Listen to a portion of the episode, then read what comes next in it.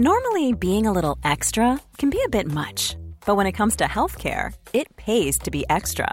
And United Healthcare makes it easy with Health Protector Guard fixed indemnity insurance plans. Underwritten by Golden Rule Insurance Company, they supplement your primary plan, helping you manage out of pocket costs without the usual requirements and restrictions like deductibles and enrollment periods. So when it comes to covering your medical bills, you can feel good about being a little extra. Visit uh1.com to find the Health Protector Guard plan for you. Burrow is a furniture company known for timeless design and thoughtful construction and free shipping, and that extends to their outdoor collection. Their outdoor furniture is built to withstand the elements, featuring rust-proof stainless steel hardware, weather-ready teak, and quick-dry foam cushions. For Memorial Day, get 15% off your Burrow purchase at burrow.com slash ACAST and up to 25% off outdoor. That's up to 25% off outdoor furniture at burrow.com slash ACAST. Hey Dave, Yeah, Randy. since we founded Bombas, we've always said our socks, underwear, and t-shirts are super soft. Any new ideas? Maybe sublimely soft. Or disgustingly cozy? Wait, what? I got it. Bombas. Absurdly comfortable essentials for yourself And for those facing homelessness. because one purchased equals one donated. Wow, did we just write an ad? Yes. Bombas. Big comfort for everyone. Go to bombas.com slash ACAST and use code ACAST for 20% off your first purchase.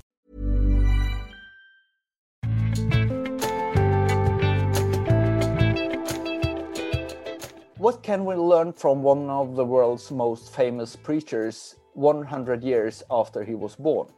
Today, it is my pleasure to welcome Mark Meynell as my guest in our podcast Tore and Tarjei.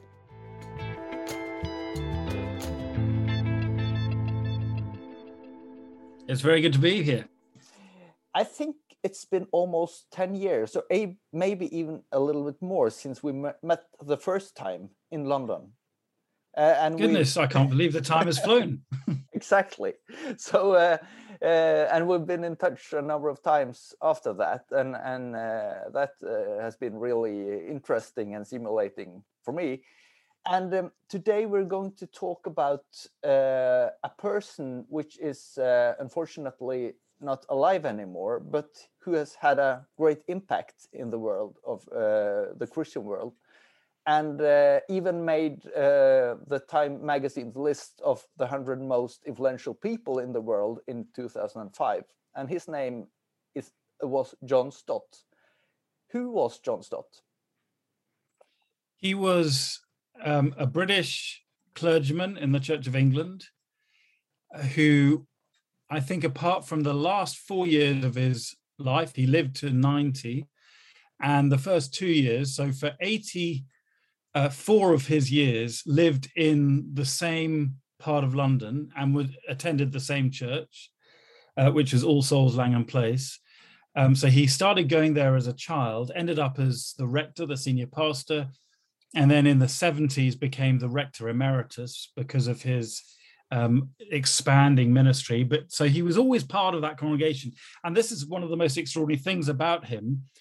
Um, he was someone who lived pretty much on the same streets all his life and yet had a remarkable unique influence on the global church. I don't think there's anybody who quite had that kind of reach um, despite um, not living in what is sometimes called the majority world or the global south. Um, so something extraordinary is going on there. So that's i think part of the intrigue about him The reason why you're on this uh, podcast is that you're working uh, in um, an organization which Stott uh, helped establish uh, called Langham Preaching Langham Partnership, and and the name comes Correct. from the place where All Souls Church is situated.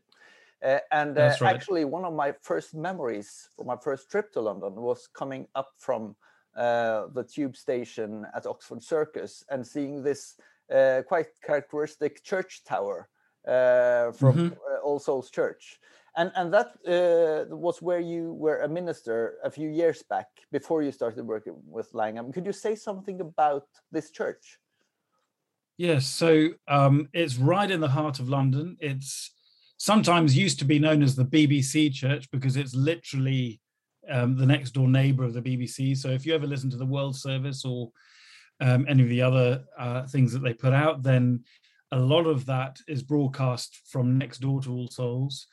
Um, it's an Anglican um, evangelical church and has had, I think it's it's nearly 200 years old, and I think John Stott used to say it's only ever had two rectors who are not evangelical in its entire history, um, which is unusual in itself. Um, so John was identified and, and um, central to it, but um, its heritage and theological tradition predated John and continued after John. So um, he was just one, probably the most known of the senior pastors there, but by no means the only evangelical there. He was even called the Pope of Evangelicals. Uh, a title he hated, incidentally. it just doesn't surprise um, me. But but uh, and it was yeah. He he wrote around fifty books, uh, and several of them were books about the Bible, but also books about present concerns. And he was uh, especially known to coin the term double listening. Could you say something right. about his approach, which was so so extraordinary?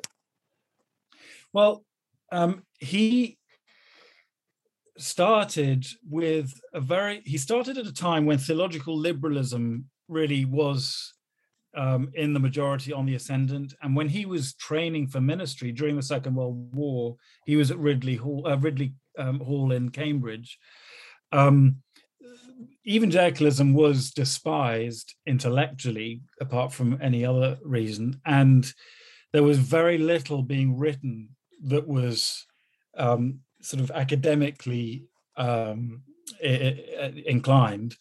Um, and so he, right from the beginning, set out to, um, to his own intellectual satisfaction, find answers to the big questions about the Bible and theology.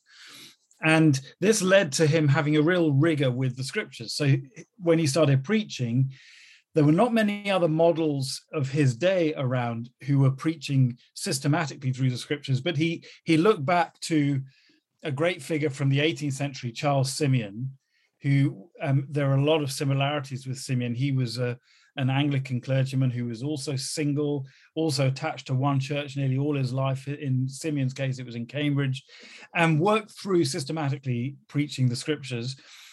And I think what happened, particularly as his ministry evolved, so he starts as rector in 1950, aged only 29. Um, he starts doing this, but realizes fairly soon on, um, and especially as a result of colleagues who worked with him, that he needed to do more than just simply handle the Bible well. He needed to understand the context he was speaking into. And um, I think there was one particular curate or assistant pastor, a chap called Ted Schroder, who's still alive, who um, was from New Zealand originally and just complained that John had preached a sermon one day that really didn't have much to do with people's ordinary lives. And this was, you know, sort of kick up the backside to him. And that forced him, I think what happened was to bring his diligence and intellectual curiosity uh, that never stopped with the Bible, but, but, to apply that to the world as well. So he was doing a double exegesis, if you like. He was exegeting the scriptures and really trying to analyze the culture, that the oxygen people breathe, if you like, that that shapes how they interpret understanding the world and uh, the Bible. And so he said we need to do double listening. That's what he meant is we we listen to both. I think the weakness of the phrase not in terms of how John used it, but in terms of how it was taken on by others. The weakness on the phrase in the phrase is is that it suggests a, a parity, an equality between the two, that they have equal authority. That's not what he means at all. He's saying we just need to understand at the same depth um, the, the, the, forces that shape the people we are serving and, and seeking to love through our preaching, so that we speak into them with the authority of scripture. So personally i i prefer to instead of speaking of double listening i i prefer to talk of using biblical spectacles. In other words uh, we we wear um, uh, spectacles that are, are are shaped by the scriptural worldview and we're constantly refining that through our studies of the scriptures and that helps us see the world in focus but essentially it's the same idea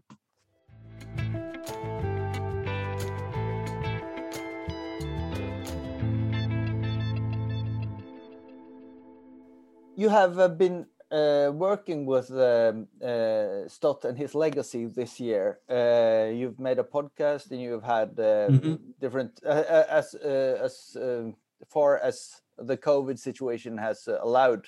Uh, also had had uh, uh, different kind of of, of um, events to to to uh, celebrate uh, the legacy of Stott. Uh, how has this been? What have you learned from it?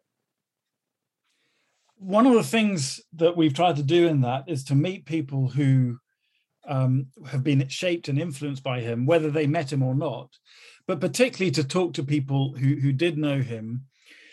I think to show something that I was aware of, and through my work with Langham Partnership, I, when, as you say, COVID is not happening, we can travel and, and work with the global church. Um, t- just the fact that he had deep friendships with people in completely different cultures and different parts of the world, and that there was never a sense of being patronizing or paternalistic or, or superior. It was always, you know, together at the same level and, and a real sense of wanting to learn um, from different cultures. There was a cultural humility about him. And I think that's all the more remarkable when one puts him in the context of the last decades of the British Empire. So he starts in ministry when the empire is still alive, but perhaps not well, um, at the end of the Second World War.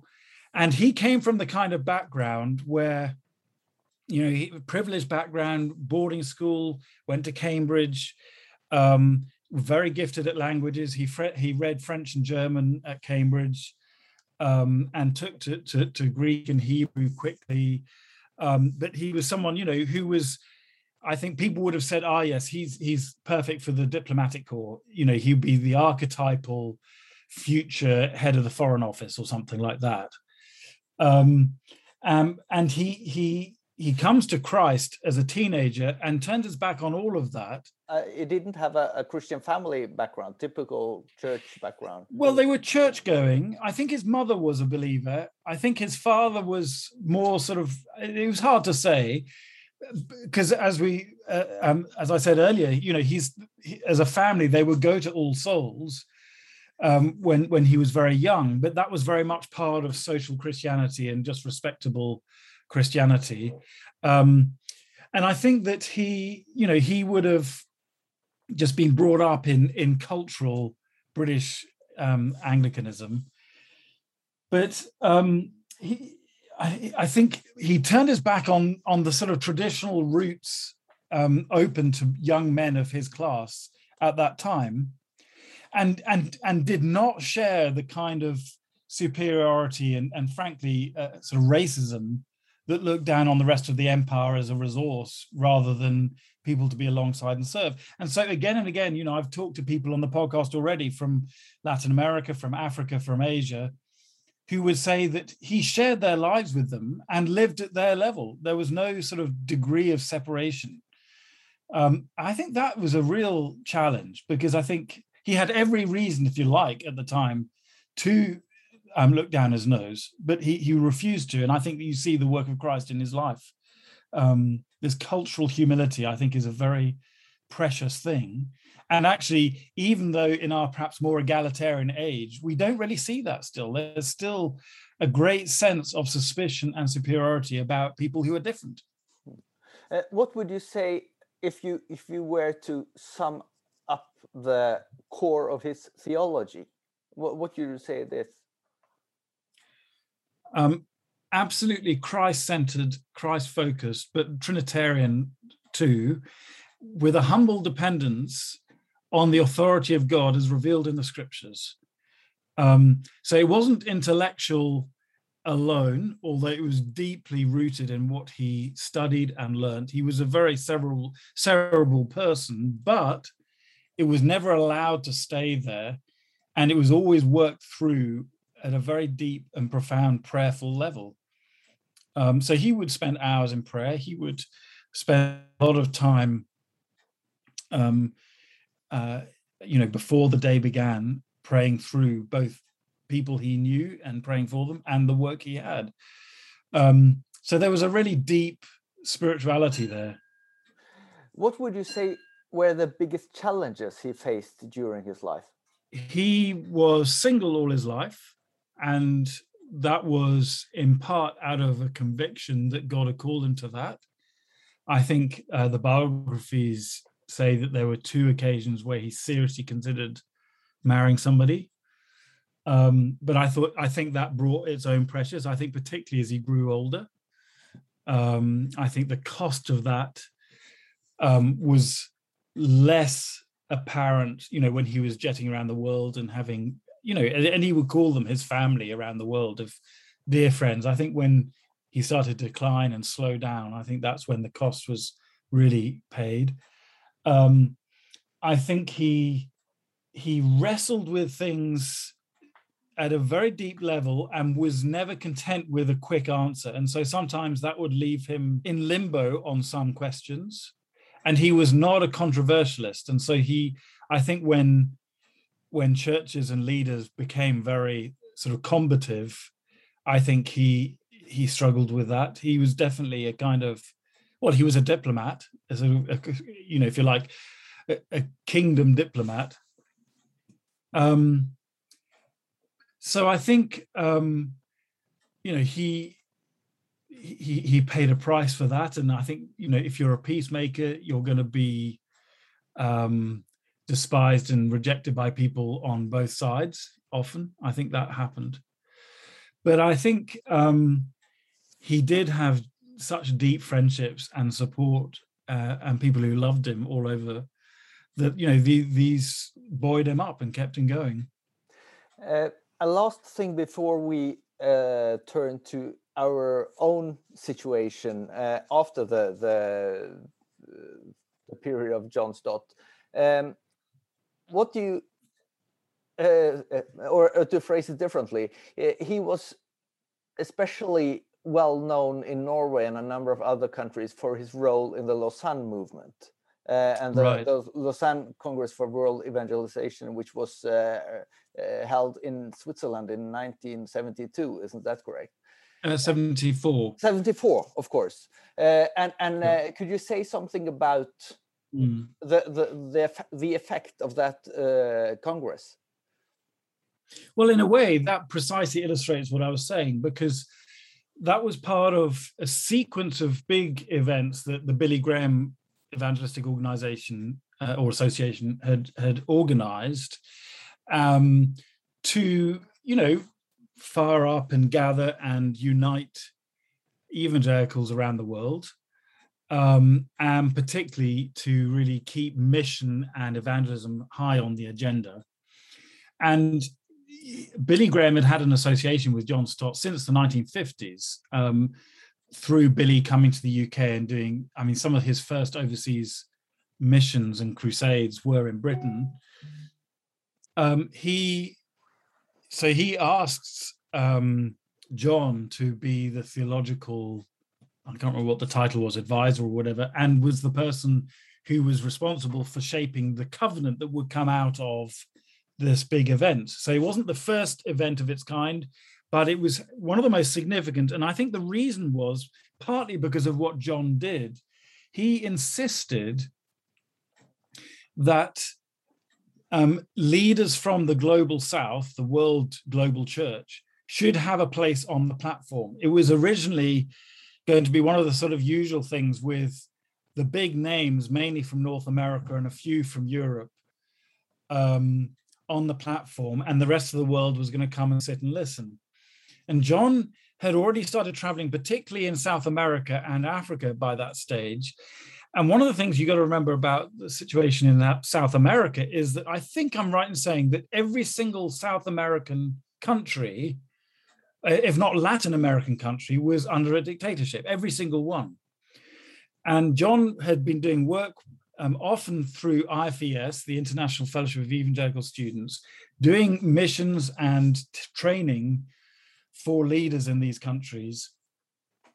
And they were saying things like, how do we do evangelism and minister to our students, knowing that actually, because many of them are protesting, because of course, students around the world very often are at the sort of the, the, the you know, hottest points of protest and um, uprising, particularly against oppression.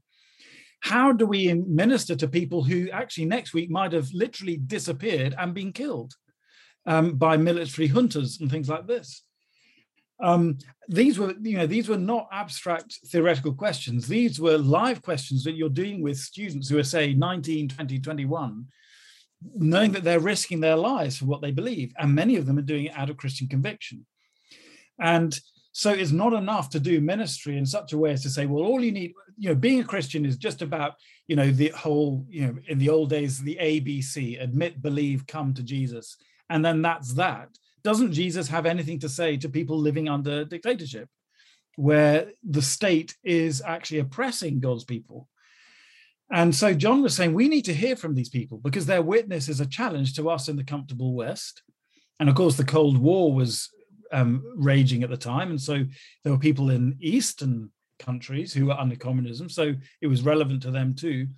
John was saying, particularly to the Americans, we must listen to these people because otherwise we won't be relevant to their context and and we won't hold them. And it was it was partly about unity. We got to be you know the global church but it was partly about you know one part of the body suffering and the other part of the body taking notice. And so people like rene padilla um, samuel escobar festo kivengere from uganda um, and many others um, were brought onto the platform and they were fiery some of them. Um, some of the particularly North Americans, didn't like it because it sounded too communist. um, but they weren't in, in, in, in many ways. They were they were preaching the old testament prophets. You know the minor prophets have a lot to say about wealth and this kind of thing. And i think this was a real moment of challenge and change because suddenly the western church had to wake up to the fact that not only were they not the only people in the world who lead but there were other people who had some really important things to say to them. Um, so it was a matter of, the, of, that challenge. One of the big changes, uh, I think, is found exactly in what you're talking about now between John Stott's era and the era in which we live now, and that's the, the big shift from the uh, the major Christian um, uh, part of the world being the north and the west to being the the south.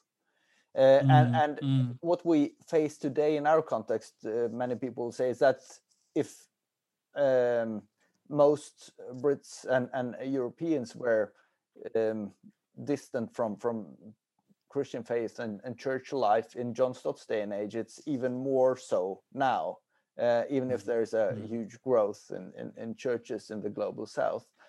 Um, and what do you think uh, is, is uh, how does this affect people who, who have a concern for preaching? Either they are preaching themselves or, or they uh, find preaching important and want to listen to preaching. What, mm. what, what has, what has uh, happened to the role of preaching in, in the West? Mm. Well, there are widespread suspicions about authority figures in general and the places of authority, and the pulpit is perceived as being one of the worst and most dangerous um, in in the wider culture, particularly in um, secular mindsets. Um, so one, you know, I think one frequently hears the sense today um, that Christianity is not just not true, but it's actually not uh, healthy and it's dangerous. Um, and there are all kinds of different things that feed that narrative. So we've got a profoundly difficult task if we're going to continue holding the gospel and preaching the gospel. Um, I don't think it's impossible. I don't think, you know, I think that um, if you look at the history of the church, there have been plenty of times, even within our own context in Europe, where um, the church has looked um, pathetic and non-existent, and and you know utterly helpless in the face of forces that are far stronger. Um, but that doesn't mean that we can be complacent or naive. I think there are real challenges, and we need to we need to say, okay, well, well, we need to do that double listening thing. We need to to understand much better why it is those suspicions exist. Um, and I think there are there are pretty um, accessible explanations for that. Could, but could that's, you, you know, could that's a whole say- other story. Could you, but could you just briefly say something about uh, um, factors which people should be Mhm. aw- aware of? So I think philosophically, you can trace this all the way back to the Enlightenment um, worldviews that were around. The Enlightenment built its um, case, if you like, on skepticism. It used skepticism as a very powerful tool, um, particularly, you know, looking at the things that were inherited from the medieval and Renaissance periods that were were just passed down by tradition. So things like aristocracy and monarchy, as well as religion, um, the Enlightenment thinkers would come along and say, "Well, actually, on what grounds do you accept their authority? Why why follow the king? Why follow um, the duke or whoever it is? Um, if he goes to war against somebody else, why do you have to sign up? Um, do you not have rights?" Um, so that's sort of one aspect, but that skepticism carries on. So, if you like, the modern world is founded on skepticism, refusing to accept inherited beliefs just for the sake of it and saying okay no but what does what's really going on here? That's the source of modern science. But i think what we've seen in the last well 70 odd years since the second world war is once you start that avalanche of skepticism you can't stop it. And so then it starts feeding back on itself. And so you look at the things that the modern world is built on and say well what means you can believe that anymore? So why be a marxist? Why be a capitalist um, and so you end up with a sort of postmodern approach that basically says, well, in the end, we can't take any authority seriously. You've got you you go it alone.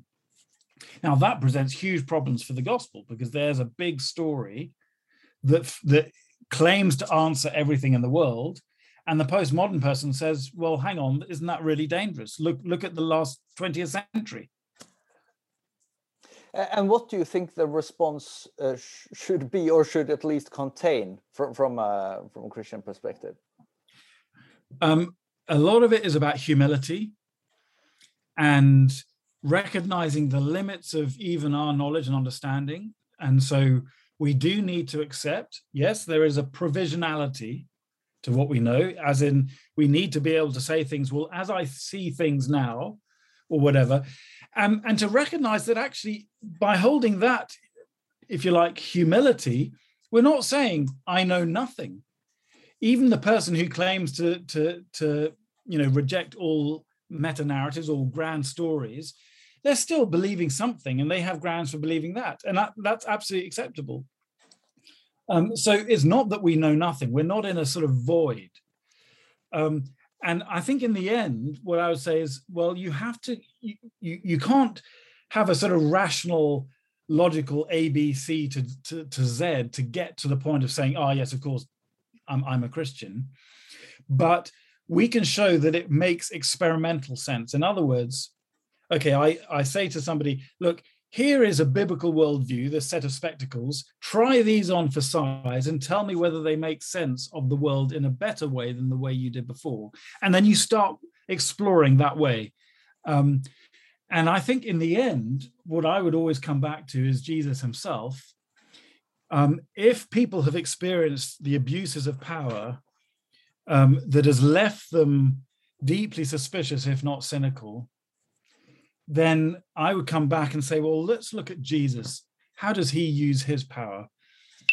And to my mind, that is Nå profoundly tilgjengelig på New um, Faith Network. filmen The he Prayer Box. En inspirerende film om en ung gutt som gjør alt i hans makt for å få Guds oppmerksomhet og hjelpe hans dødssyke søster. En vakker fortelling om tro, håp og kjærlighet. anything you'll see else Se the Prayer Box nå på New that's where I Faith Network.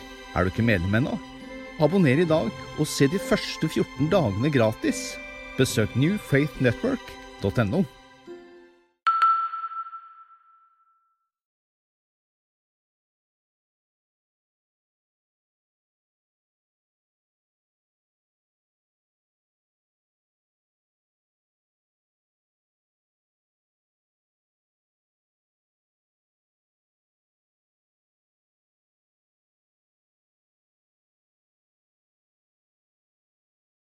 Uh, you're working with preachers across Europe and also in the uh, the Caribbean. Um, Mhm. One of the the questions uh, some preachers uh, would uh, recognize today, I believe, is that well, one thing is is preaching, but how do I reach people? Some believe that well, maybe we should do podcasts, maybe we should uh, do something on radio and TV and so on, but Mm. Other will say, well, we, we don't really get in touch with people uh, and people's lives Mm. that way. What do you hear and learn from from your colleagues and friends around in different countries when it comes to actually reaching? yeah i i think there is no formula um for for sort for, you know for doing this and there never has been actually people have tried to sort of write phds and things to try, come up with here's the answer. Um, and there's something attractive about that. You think at last i've been doing it all wrong but if i do this it'll all be right. Um, we need a mixed economy. We need to have different resources by all means. And it's extraordinary you know who um, the internet connects people with. I remember out of the blue someone contacted me on my blog who was a, a bodybuilder from tehran who was fed up with islam and he was asking questions. I have no idea. I didn't you know i've never write anything about bodybuilding and i've never been to tehran. So how he found my blog why he chose me to talk with i do not know. But that was an extraordinary thing. And that was i would say that was the lord at work. And i was able to put him in touch with people who spoke his language. And that was wonderful. And that's carried on. I i haven't heard more since but that was a while ago. But eh, i can't rely on just putting stuff out there in the hope that that'll do its job. I think i need to spend time getting to know individuals. And we mustn't give up on the people who are physically close. Uh, you, and you mentioned having uh, real relationships. uh, you mentioned that you you uh, as a preacher yourself uh, can also be um, of course uh, shaped or influenced by your own context. And and and at times maybe it can be a challenge to uh, think about uh, the kingdom of God or, or the transcendent things when Mhm. so many people think that well uh, do is there really something more? I, I don't i don't think so. And maybe christians also get more shaped by this than we will think about really uh, how do Mhm. you deal with that yourself Um, it's about, I think, trying to be alert um, and recognizing that I am not a neutral knower of the world. I I'm part of it, and I'm not objective in my understanding of the world, nor in my understanding of the Bible. All these things shape me. Now that can become something that feels oppressive in the sense that you know I lose my identity in the sort of soup of all these different influences. But I really don't think it needs to be like that. It's just about again it's about humility and recognizing that these things and then just trying to be alert to it and listening to other people especially other people from a different culture who who perhaps knows one's own culture or when i go to many other places you know i will often ask people and just say well what what do you see of my culture um, of british culture that that troubles you or that you find strange or hard to understand? I think that's a a useful thing to be doing so that we're constantly um, helping one another. Um, and then then then that helps us speak into it. I you know so we lived in east africa for four years and i definitely came back to the uk this was 2005 um, with a very different sense of where i fitted in the world and in my own culture and in a sense um, as a result, I've never felt completely at home in my own culture. There was always a part of me still in East Africa. Um, and likewise with my job in Langham, you know, I feel I have some little roots in lots of places. Um, You I think also- that's got to be a helpful thing. you visited Sweden a few years ago, and as a Norwegian, mm -hmm. I would also, uh, of course, say, well, uh, that's a completely different country, and uh, there are so many. I hear you. but from from the outside, I guess it, it's it, it's uh, not uh, difficult to see a lot of similarities when it comes to culture sure. and and uh, and so on. Um, did you have any observations from your visit to Sweden which you think could be useful to, to share with our listeners?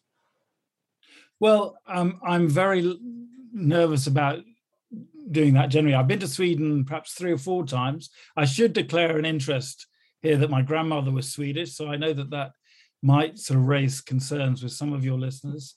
Um, and I've never been across the border yet, although I have been invited and I one day hope to come. Um, I think what did uh, make an impact on me was just the the power of secularism at a more developed and well even at times it felt extreme uh, and to, to what we have in the UK. But I think there was a lot that we recognize as very similar. I think particularly my Lutheran friends who are um, trying to be continue being evangelical. I think in the, the former state church, I think that's become practically impossible for people and so I was very conscious of the, the, the painful challenges that they faced and the complete lack of understanding and sympathy, both from the ecclesiastical hierarchies and the culture around, because it just seems madness, um, particularly on issues of sexual, sex, sexuality and um, um, you know pluralism generally. Hmm. Um, but I, I, have to say that for you know there were a number of people I've got come to know well over the years um, who, in very lonely circumstances, are persevering, and that's a real inspiration to me. Um, you know, very much isolated, and not many people who who really get why why they're doing what they're doing. Um, I think that's really powerful, um, and you know, I've got a lot to learn from that.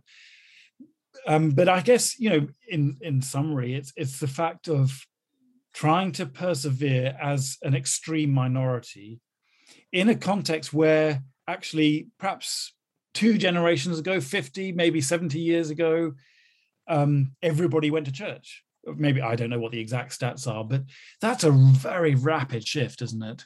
But when it, it comes to persevering, some people would say, well, being a minority and, and f- being strange and and all, mm. uh, and, and, all that uh, is also a test because people can become afraid they can become angry mm. they can become yeah. disillusioned and so on uh, how do, how do you deal with that because i i know you work in countries where christians uh, who are evangelicals feel that well we we are really not a, a, a major uh, player in, the, in, in our country mm. Mm.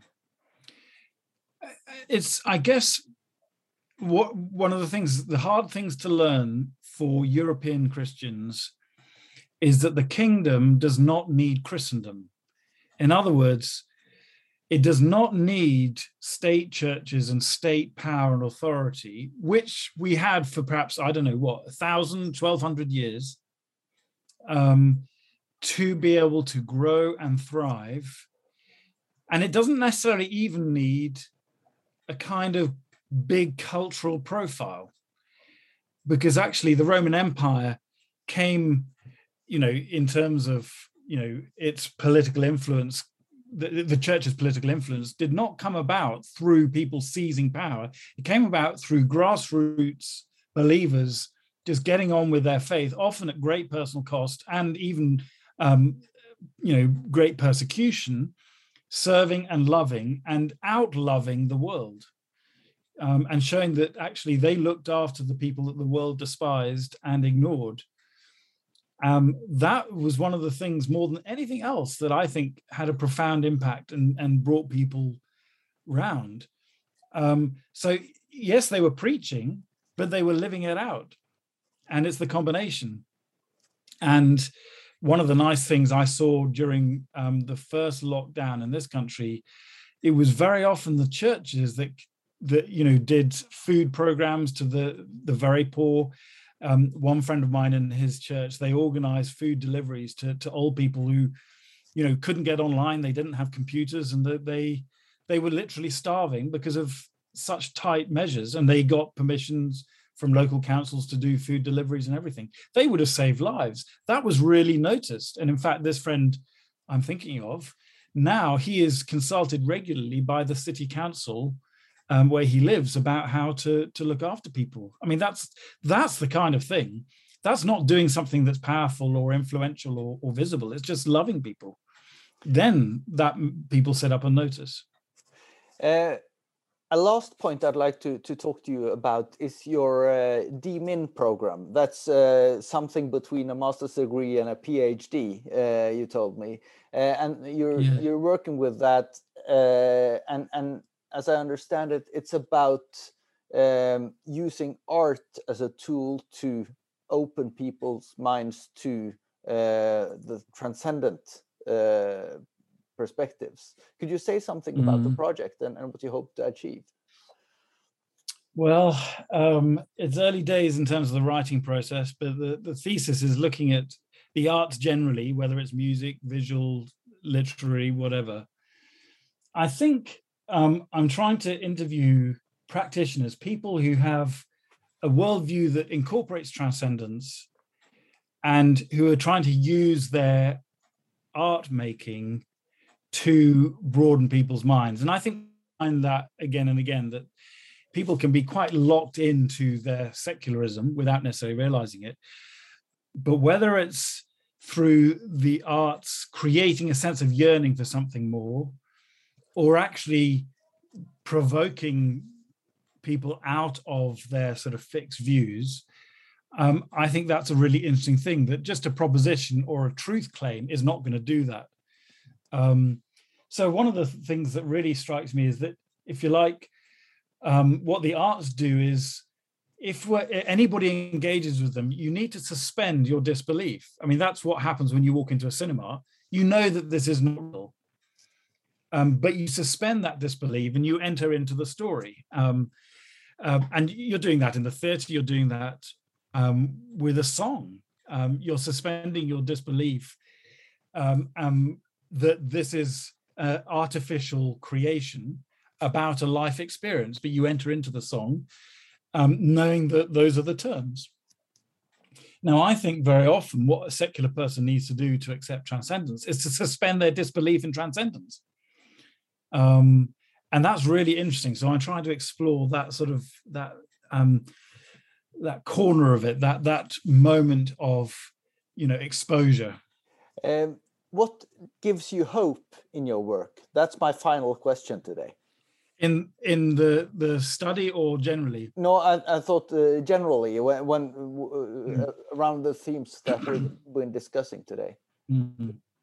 I think what gives me hope is that it is absolutely clear that God is at work in the world and people all over the world are coming to know Him.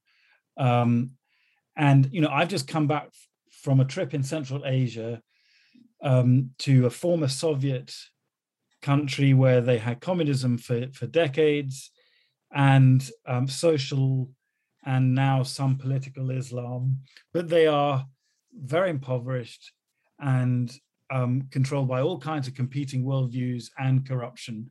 And yet there are people coming to faith. And that's an extraordinary thing. That's humanly impossible and absurd. And yet it's happening.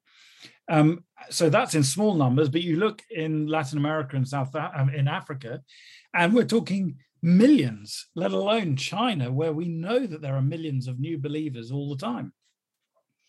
Um, so it looks pretty bleak in Europe, but it doesn't look bleak globally. And that's my hope for Europe because the world is becoming a global village, as we know. People are intermingling in all different directions. So who knows? Um, the, the, the European context is being changed by migration, as it always has. And that includes the church. And so some of the biggest churches, for instance, in my home city of London, are African churches. That's bound to have an impact. Well, it is having an impact. And I think we're seeing that across Scandinavia. Um, I've been to a, a Persian speaking, Farsi speaking church in Stockholm. Um, I know of um, similar groups all over. So um, it, there is so much to be excited about, and we just pray that these will filter into indigenous populations. Mark Meynell, thanks so much for spending uh, time with us today, and uh, I look forward to talk to you again. Um, same here. It's been a great time. Thank you so much.